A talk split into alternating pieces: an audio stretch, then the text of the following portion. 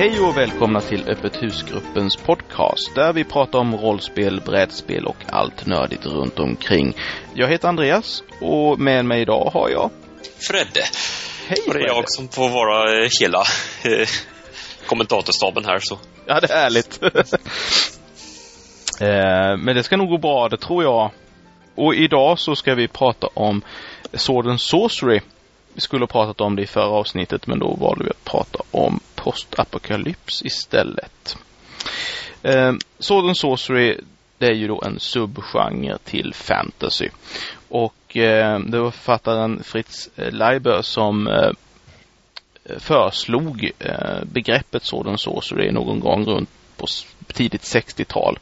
Eh, när egentligen författaren Michael Moorcock eh, frågade efter en, eh, en eh, samlings titel egentligen på till exempel Robert D. Howards eh, noveller om Conan.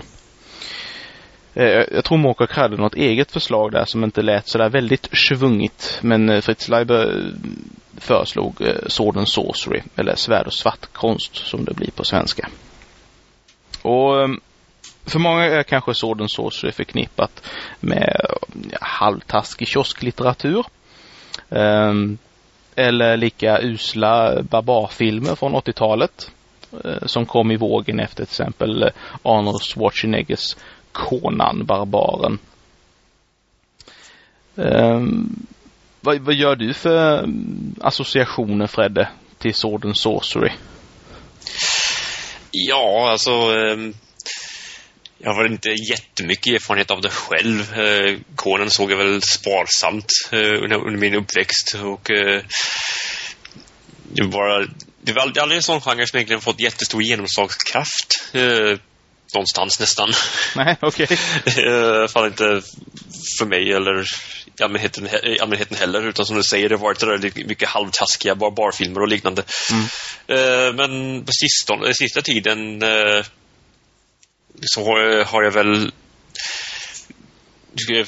tagit det lite mer åt, eh, ja det hitta några böcker och sånt och lite spel. eh, Sånt. eh, Det börjar komma upp igen. Folk vill ha lite mer det här komma bort från det här eh, stereotypa high fantasy med eh, sina alvar, alvar och trollkarlar och allt vad det är och Mm. ha lite mera eh,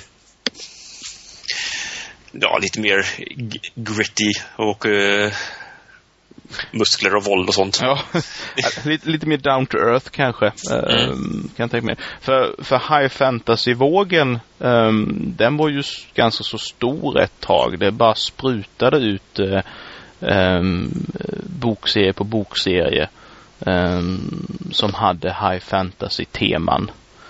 Ehm, så att det, det är en, man kan ju förstå det lite kanske. Och för mig på något sätt så förknippar jag Sword and Sorcery Eh, det är egentligen genom äventyrsspel och det är när de gav ut eh, de här pocketböckerna. Eh, De gav ut eh, flertalet utav Robert E. Howards eh, Conan-böcker som var editerade tror jag utav bland annat Fritz Leiber och eh, de skrev ju egna, hade skrivit egna noveller på 60 och 70-talet för att komplettera Conan-berättelserna. Sen var det mycket annat där som eh, eh, hamnade inom det. Eh, Jag tror de även gav ut några utav Leibes Farfad och Grey Mouser berättelser som är typisk Sword and Sorcery. Och eh, Robert Asprins Thieves World. Om jag inte minns mig helt fel. Och det som du sa, just de här halvtaskiga barbarfilmerna. Jag är ju uppväxt med Conan eh, filmen från 82. Eh, även Beastmaster om det är någon som kommer ihåg den, från samma år. Vagt, vagt, vagt kanske. lite, lite, lite fjantig film om en, Mm. eh, en kille som flexar massa muskler och eh, kan eh, kontrollera eller djur eller någonting i den Ja, stilen. just det, den ja. Nu minns jag den. Ja. Ja. Den var jag, jag kommer inte ihåg vad skådespelaren heter men han har gjort en, det är en typisk så här tv-serie skådespelare. Var det inte han som var med i V förresten också? Eh, Du slår upp det medan jag svamlar lite. 82. Eh, och sen naturligtvis den ganska så sunkiga Red Sonja från eh, 85. Mark Singer, var det det? Mark Singer, ja. Just det. Alldeles rätt. Ja, det blev sällan ganska stor, särskilt stora karriärer från de här filmerna med undantag av eh, Mr Schwarzenegger. Men eh, och i, i, vissa fall eh, ganska förståeligt. Eh. Ja, jo, det är det. det. Men på något sätt så ändå så tycker jag att om man, om man ska se någon film som ändå är lite sådär stilistiskt um, typisk sådan Sorcery så är det faktiskt första Conan-filmen.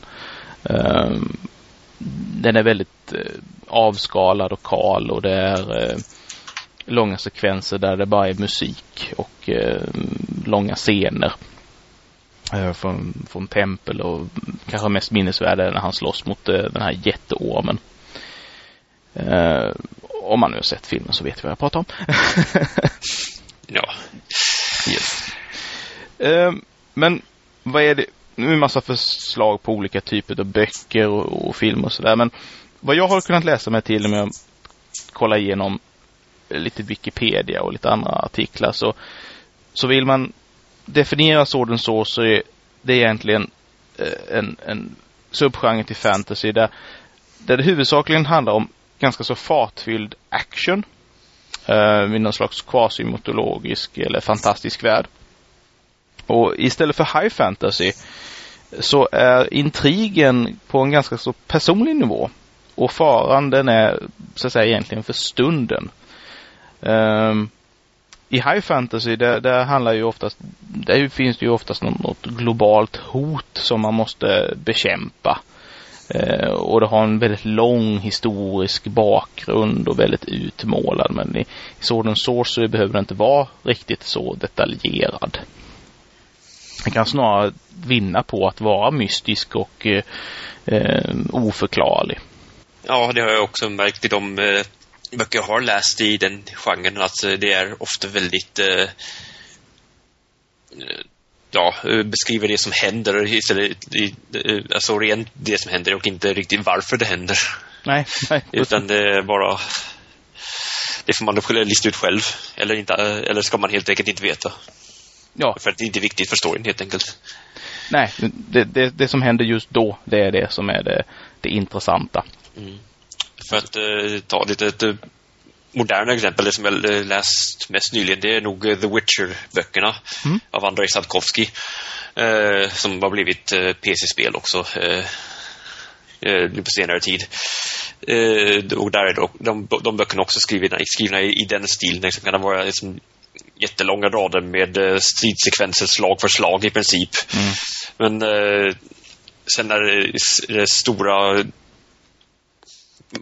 fenomen, alltså som kan vara övernaturligt slag, liksom. De kan beskrivas väldigt kortfattat, liksom. Oh, det, det hände. Nu hände det där och uh, ingen förklaring varför. Det bara hände. Det är väldigt sådär korthuggna meningar och uh, helt enkelt det ska gå, det ska gå undan. Det är fokus på action och ja. inte mycket annat. Man kan vara ganska säker på att i en Sword of Sorcery-berättelse så kommer ingen att brista ut i sång. Som det gör i, i, i Härskaringen till exempel. Ja, eh, om det inte är en eh, någon bard-karaktär med i alla fall så. Ja, möjligtvis, men... men därför comic relief eller liknande så. Ja. Även exempelvis i, eh, i, i The Witcher igen, som, där, där heter han Dandelion. Okej. Okay. Och en hopplös kvinnokyssare. ja.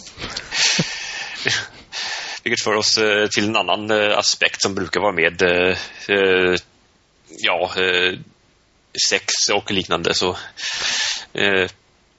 det brukar vara ganska mycket sånt uh, debauchery, om man ska använda ett fint engelskt ord för det. Mm, ja. Dekadens.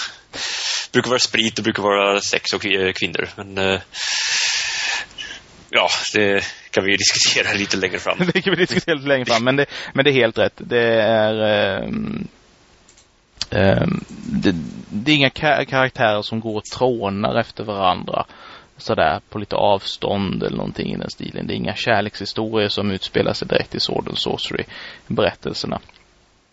Eh, och gör det det så eh, har de kanske ett väldigt abrupt slut. Ehm, um, Farford and Grey Mouse till exempel börjar med en kärlekshistoria Eh, och de beger sig iväg på grund av att de eh, dras iväg utav varsin kvinna. Eh, men det slutar illa för dem. Och det är också startskottet till varför de då blir de här två oskiljaktiga äventyra karaktärerna som man får följa ifrån novell till novell, från bok till bok rent tematiskt då, vi har ju varit inne lite på de här sakerna som finns och inte finns, men det handlar lite mer om själva storyn och lite karaktärer och så vidare. Men om man jämför med alla andra fantasy-genrevärldar och kanske en hel del vad som kan finnas i rollspel till exempel. Så hur ska då världen se ut? Och det jag skulle vilja säga det är att jag ser det ofta som att det behöver vara stora outforskade och kanske ogästvänliga områden. Lite så här nybyggar miljö kanske eh, till viss del. Eh, och finns det städer så är de, de är smutsiga och överbefolkade. Och det är kungadömen som ligger i, i fejd med varandra och det är korrumperade adelsmän och kungar och eh, grevar och baroner. Och sen ligger det här kanske mitt på någonstans så finns det ruinstäder utav tidiga civilisationer och som sagt att det är lite historielöst också oftast. Man, man vet inte så väldigt noga vad eh, de här eh, civilisationerna kom ifrån och eh, vad som har hänt med dem egentligen. Ja, det, det låter som en ganska så passande beskrivning överlag. Det är det är skitigt, eller gritty. Det är så riktigt... eh, ja, det är allmänt elände var man, var man än kommer. Eh, om det inte är svält eller sjukdom så är det dekadens ibland, som man säger, bland adelsfolket. Och, uh, ofta är det krig och rövartåg ja. mot, mot, mellan kungariken och sånt också. Det är sällan fredligt eller trevligt någonstans. Nej, nej. Och det, det och, och i, i, bästa fall så handlar det om en hel del förtryck också från, eh, från kungar och, och eh, trollkarlar och vad det nu kan vara. Um, och teknologin den, den ligger inte sådär väldigt den är inte så väldigt hög heller. Det är alltså som, som bäst så är den väl medeltida i de här civiliserade områdena utav världen. Eh, medan eh, ytterområdena som är de dominanta delarna eh, är barbariska, mm, kanske på sin höjd eh, ibland stenåldersmässiga.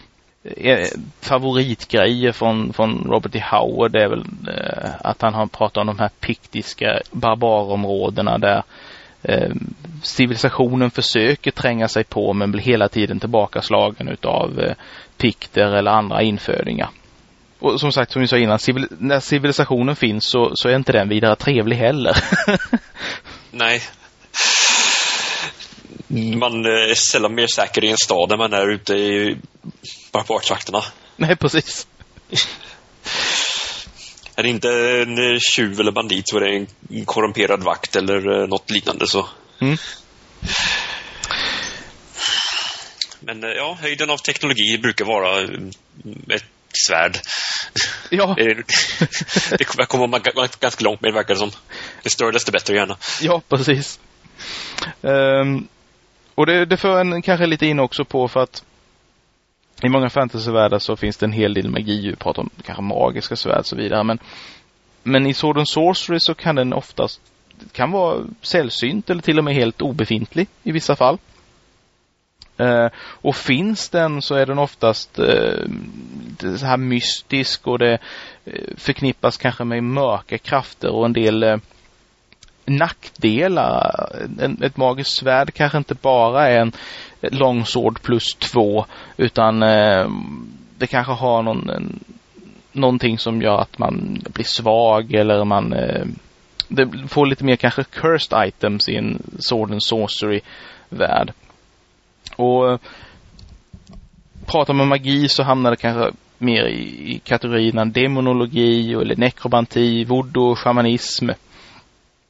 Um, och de som utövar det, de är ondsinta, ondsinta. Det är trollkarlar som bor i höga svarta torn. Um, eller så är de få som utövar det. Och från en, den, den vanliga människans eh, synvinkel så är magi någonting obegripligt, någonting oförståeligt och väldigt, väldigt farligt oftast.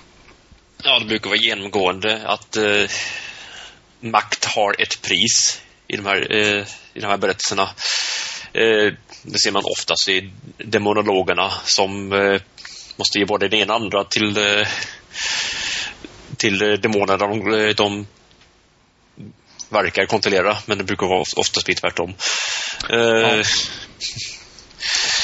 Eller det kan vara att de blir förvridna eller ja, blir av med sin själ liknande. Så, ja, och, eller att det helt enkelt kommer tillbaka och biter dem i baken vid något tillfälle. Ja, det, det är vanligt förekommande återkommande tema. Eh, för, hände ett antal gånger i några av Robert E. Howards noveller att eh, eh, Conan kon konfronterar någon svart magiker eller någonting i den stilen som blir eh, uppäten av någon demon de har framkallat eller liknande. Mm. Och det brukar alltid vara så att det är vagt och det är lite luddigt sådär. Det beskrivs aldrig rakt ut vad magi kan och inte kan göra. Utan det, det är upp till vad magikerna själv vet och ingen annan egentligen. Så. Mm. Ja, det finns liksom ingen spellbook. Um, det finns ingen lång, li lång, lista med vad du kan använda för spells vid level 2. I'm gonna cast magic missile. There's nothing there! Men nu, nu har vi pratat om en del vad som, som kan finnas då. Um, jag tycker till exempel att vad som inte kan finnas uh, det är ju lite de här sakerna som, som vi har sagt har varit svårt att komma. Alltså det finns kanske inget direkt överflöd i en sån här värld.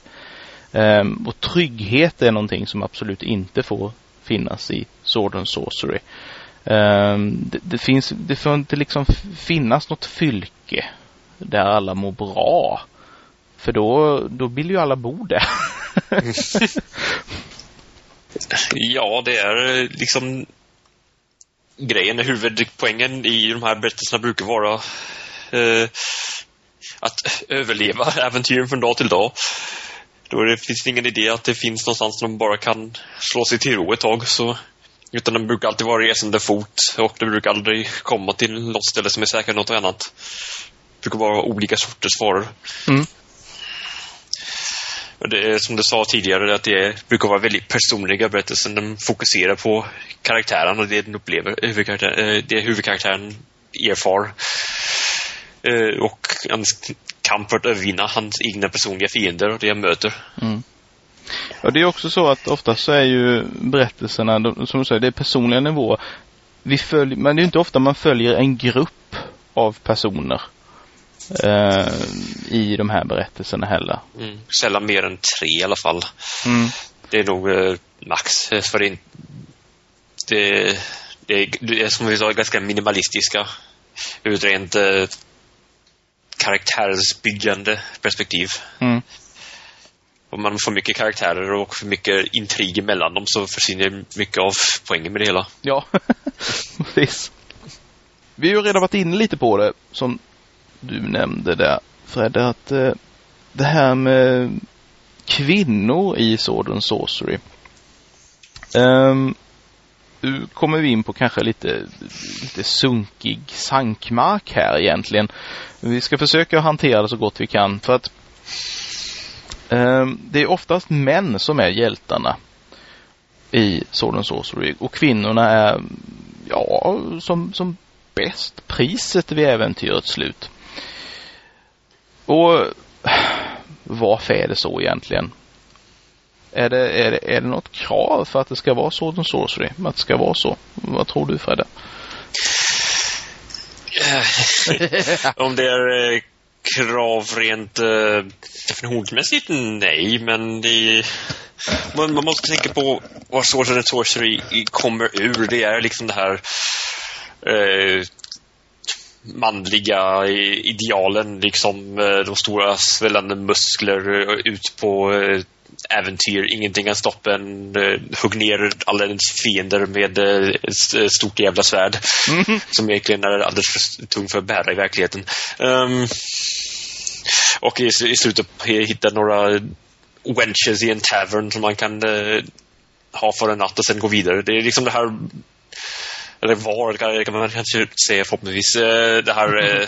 stora manliga idealfantasin eh, som det handlade om och eh, då blev det ju som, som det blev också. Det var ju också till unga killar som den här historien ofta riktade sig till med också så det är ju bara en produkt av målgruppen och genren mm. i sig.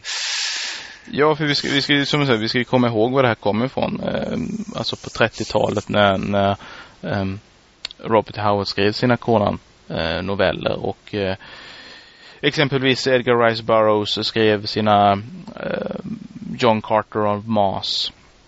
Ehm, så, så publicerades de i, eh, i den tidens kiosklitteratur, de här pulpmagasinen som trycktes på billigt papper och, och såldes billigt eh, som läses utav eh, yngre män eh, och konsumerades då som eh, Eh, ja, skräplitteratur helt enkelt.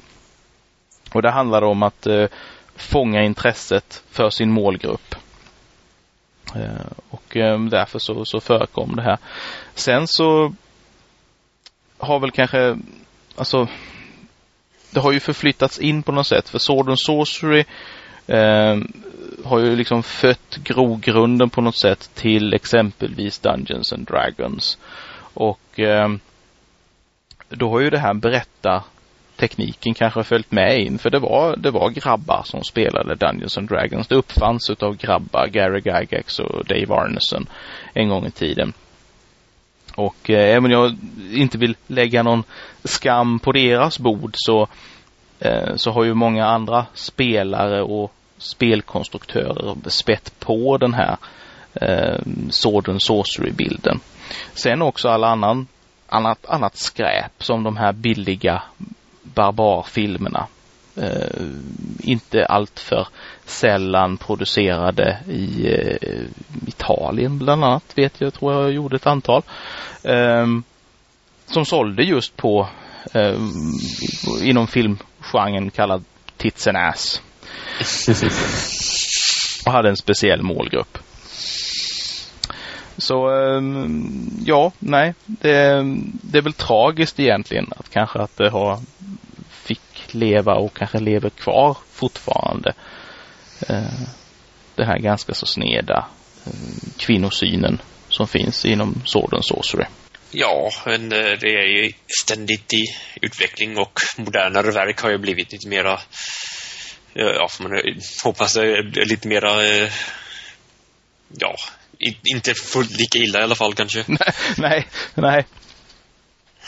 Um, nej, och sen så tror jag egentligen att att uh, om du tittar på uh, det är väl just den här mängden utav kanske dålig uh, Sword and Sorcery som eh, har fallit i den här modellen och som ger, som spär på det, ehm, det dåliga i det här egentligen. Eh, men det finns ju kanske några exempel på några undantag och redan bland de första eh, Robert E. Howard gillade eh, starka kvinnokaraktärer. Han har piraten Valeria till exempel som är konans like i i, i novellen Red Nails. Vi har piratdrottningen Belit som eh, också är hans like i, eh, i eh, den novellen. Så det finns ju ehm, exempel på det. Eh, där de inte bara är de här priserna vid äventyrets slut. Eller den här som ska räddas eh, halvnaken ifrån eh, offeraltaret. Ja, det är liknande i Witcher-böckerna som du nämnde tidigare. Där är de kvinnor som han, eh, huvudkaraktären Geralt umgås med mest och även har som ja, det är visserligen kärleksintressen också, men eh, de är ju sorceresses båda två och, och i, i, den meningen ganska mäktiga. Mm. Eh, och har sina egna agendor och eh, liksom stannar inte upp i, i dem bara för hans skull direkt. Utan eh, är det lika ofta, eller ofta eh, de som utnyttjar honom som tvärtom. Så. Ja. så eh, ja, det är skönt men det hittar lite starkare kvinnokaraktärer. Inte bara i Sword Sorcery utan även andra eh, genrer, inte minst eh, ja, inom nördkulturen, tv-spel och annat. Så. Mm. Jo, sen, sen tror jag det är bra, alltså rent generellt så får det här mycket mer fokus. Man, man eh, spelbolag för datorspel och konsolspel och allting annat. De kommer inte undan med de här enkla säljtricken längre utan det, det finns en um, um, det finns en journalistkår som håller koll på um, den här spel och, och nördkulturen som, som höjer ett finger och säger vad fan håller ni på med? Uh, när, jag kommer inte ihåg, det var något spelbolag som för ett tag sedan släppte något spel där de inte hade klämt in en enda kvinnlig karaktär tror jag. Det var Ubisoft om Assassin's Creed. Ja, just det. Det var att uh, de hade tagit bort den kvinnliga avataren från multiplayer. Det var det som folk blev upprörda över. Ja, just så, det. så att det inte fanns några, att man kunde spela några kvinnliga assassins i det läget längre. Fast det hade funnits tidigare. Mm. Nej, för, för av någon anledning så hade de inte haft tid att skapa det. Jag vet inte riktigt hur de resonerade. Men eh, Ja, men ja, eh, det är fortfarande väldigt, väldigt mycket som behöver göras i det avseendet, men det är ett ämne i sig egentligen. Ja, det är det absolut. Vi har pratat en, del, en hel del om Robert E. Howard, men det finns ju också andra författare och, och kvinnliga sådana, till exempel C.L. Moore som har skrivit en serie om en karaktär som heter Jirel av Jory. Jag tror jag uttalade det rätt. Jag vet inte. Någon kommer rätta mig antagligen. Um, som är en kvinnlig eh, karaktär och eh, jag vet inte så mycket om henne men det finns ju även, alltså det är inte bara manliga karaktärer inom Sword and Sorcery. Och eh, flera andra författare har också andra eh, lite starkare kvinnliga karaktärer. Michael Moorcock till exempel i hans berättelse om albinoprinsen Elric. Eh, Elric möter eh, en hel del starka kvinnliga karaktärer eh, och äventyrare som eh, gör ett stort intryck på honom och har en stor plats i berättelsen också. Även om man då kanske brukar definiera Elric-berättelsen kanske mer som dark fantasy men har väldigt mycket gemensamt med Sword and Sorcery. Men om vi ska avsluta då med att kanske prata lite om eh, kopplingar till spel, eh, rollspel, datorspel, brädspel om det är möjligt eh, som har Sword and Sorcery-tema. Och det kanske mest påtagliga är ändå egentligen Dungeons and Dragons och den ursprungliga eh, Dungeons and Dragons kanske. Till exempel Greyhawk eh, kampanjvärlden. Även om den flyter en hel del in i, i eh, high fantasy. Jag brukar oftast tänka mig egentligen Dungeons and Dragons kanske lite mer som en egen, nästan som en egen typ av fantasy. För det är sånt hopkok och så mycket olika saker. Mm, inte så mycket fourth edition kanske, liknande. Uh, nej. nej. Där alla karaktärerna mer eller mindre är superhjältar nu för tiden. Så, men, uh, utan ja, de är lite äldre och även de svenska utgåvorna skulle jag också se egentligen. Mm. Mm. Och ganska också i, åt det hållet mera. Ja. Uh, Sen har det kanske glidit över lite mer till svåra, gigantiska Rädda Världen-kampanjer eh, med ja, magislungande Wizards och allting sånt. Mm. Ja, även, alltså, även alltså gamla äh, Drakar och Demoner kom ju samma där det var äventyr för äventyr som, som var väldigt på väldigt låg nivå eller man ska säga en väldigt personlig nivå. Eh, som geografiskt inte rörde sig så väldigt eh, långt ifrån det lilla värdshuset. Eh, Sen naturligtvis finns det ju rollspelet Kronan. Um, det fanns ju en D20-variant vet jag i alla fall. Eh, som, som, där de släppte en hel del böcker till. Som jag tror var rätt så populärt. Eh, min gamla käpphäst Dark Sun-kampanjvärlden.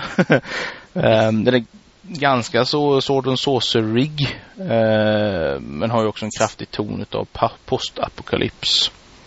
Um, men den faller ganska så väl in på de här bitarna som sagt att det är stora områden som är ociviliserade. Uh, det är barbariskt och det är uh, skitigt och det är uh, ondsinta kungar ehm, som regerar stora, stora städer där folk trängs. Ja, eh, Sword and Sorcery och postapokalypse har egentligen en hel del gemensamt. Mm setting och temamässigt så. Det är den personliga överlevnaden som är i, första hand. Ja. Och det brukar vara skitigt och farligt överallt.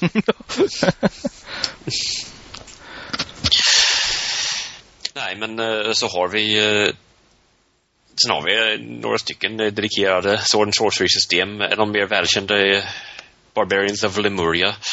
Som jag har läst igenom men eh, inte spelat, men är sugen på det. Mm. Men eh, där uppbyggt så att det bara ska vara från eh, äventyr till äventyr man klarar sig. Utan eh, de, eh, de skatter som man råkar hitta eh, som ett pris för sina eh, eh, stråt och äventyr. Det ska man spendera upp mellan äventyren helt enkelt. Okej, okay, okej. Okay. Och så får man erfarenhetspoäng beroende på hur eh, väl man lyckas komma på hur man spenderar de här skatterna. Bättre, bästa beskrivningar, desto får bättre belöningar. Okej. Okay. Gärna om det ger eh, trådar till eh, kommande äventyr också. Jaha. Mm. Liksom, han gav allt mitt guld till den där konstiga gamla mannen för det här eh, skattkartan som kanske leder någon vart. ja, precis. Det är en massa landyta här och sen så mitten det är ett stort frågetecken. Det kan ha varit lite brusad vid tillfället. Så. Ja, möjligtvis. ja, men det är en intressant vinkling. Ehm, jag kom på ett nu när vi satt och pratade om det är ju eh, eh, ehm, ett spel från som heter Sasquatch Game Studio eh, som gett ut, jag tror det är utgivet nu, eh, som heter Primeval Thule.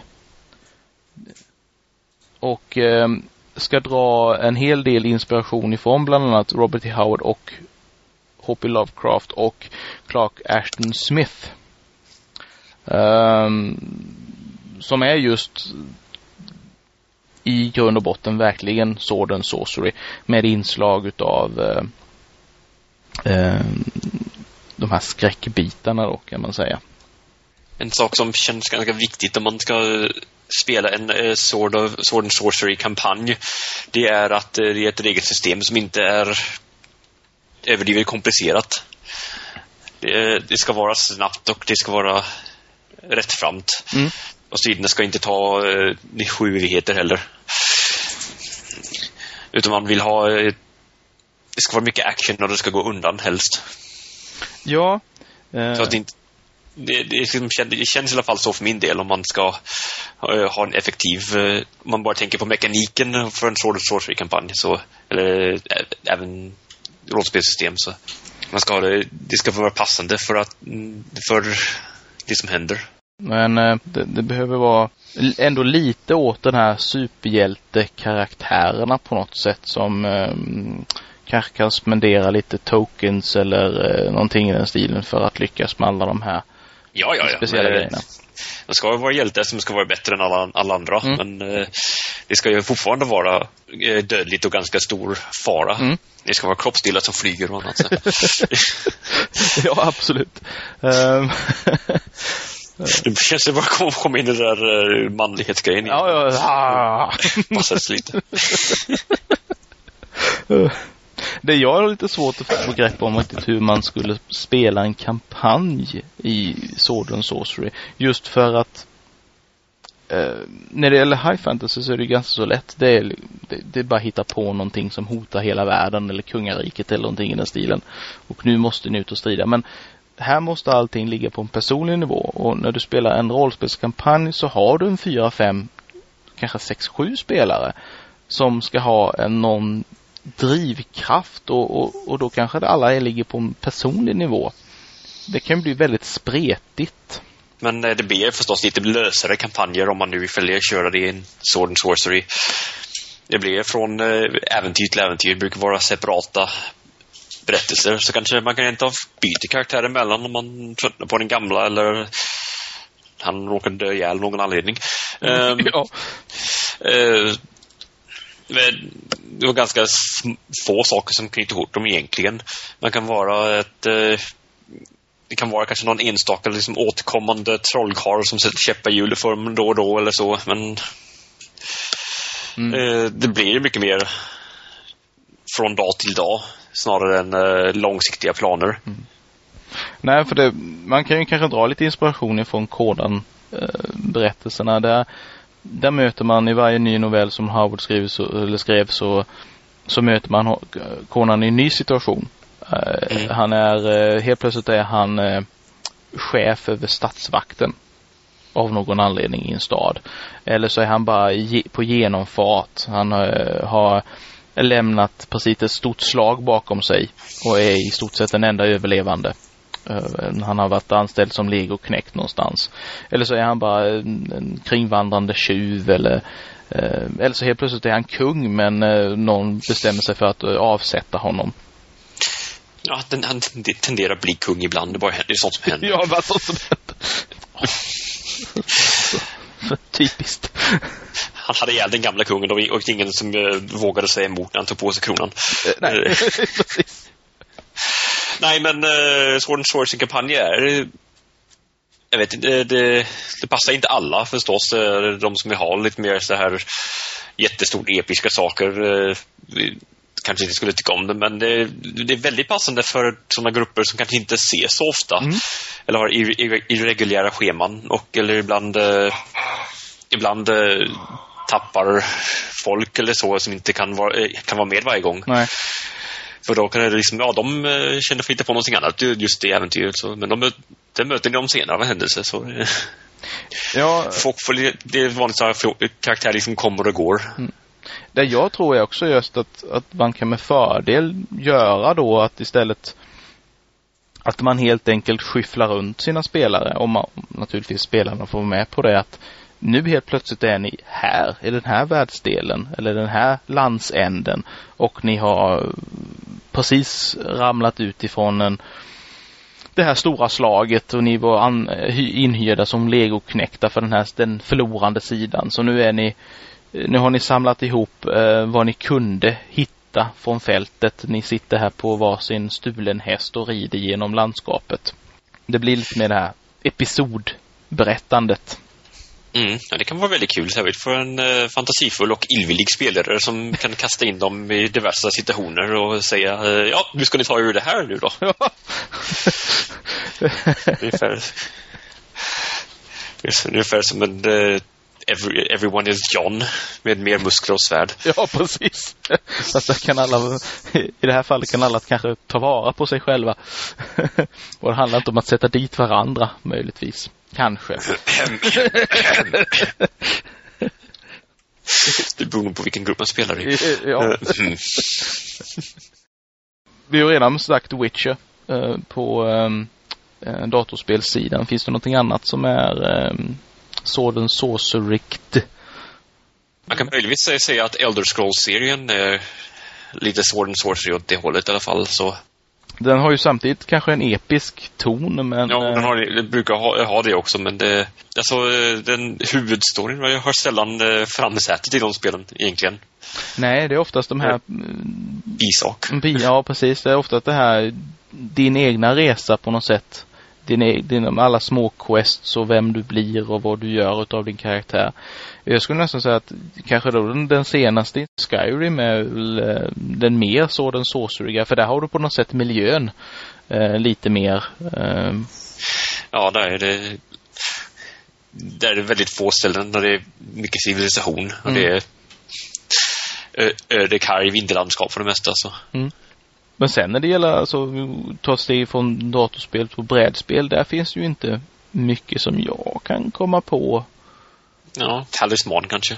Ja, Dungeon Quest kan man ju också nämna. Även om den kanske lutar mer till någon slags utav brädspelsvariant utav uh, Dungeons and Dragons så hade den ganska så typiska Sword and Sorcery karaktärer och monster om jag inte minns mig helt fel. Jag ser inte så jättemycket det temat längre egentligen så nu vill folk ha de här stora episka berättelserna. Men det känns ju ändå lite som att det kanske ibland är på väg tillbaka. På något sätt så har du ju ändå fått lite en renässans med allt, att man vill tillbaka till lite enklare rollspel alla Dungeons and Dragons. Även om jag har lite svårt att förstå charmen i att kasta sig in i en dungeon varenda gång och det är det enda man gör. Nej, inte jag heller riktigt, men... Men en gång då och då? Ibland är det skönt att bara uh, ge sig in i en, i en dungeon och slakta några monster och hugga huvudet av en trollkarl och uh, få hem lite skatter. Mm. Och det är väl allt vi har att säga egentligen om, om uh, Sword Sorcery. Så det var allt för den här gången. Vi tackar så mycket. Ha det så bra. Hej då! Hej då!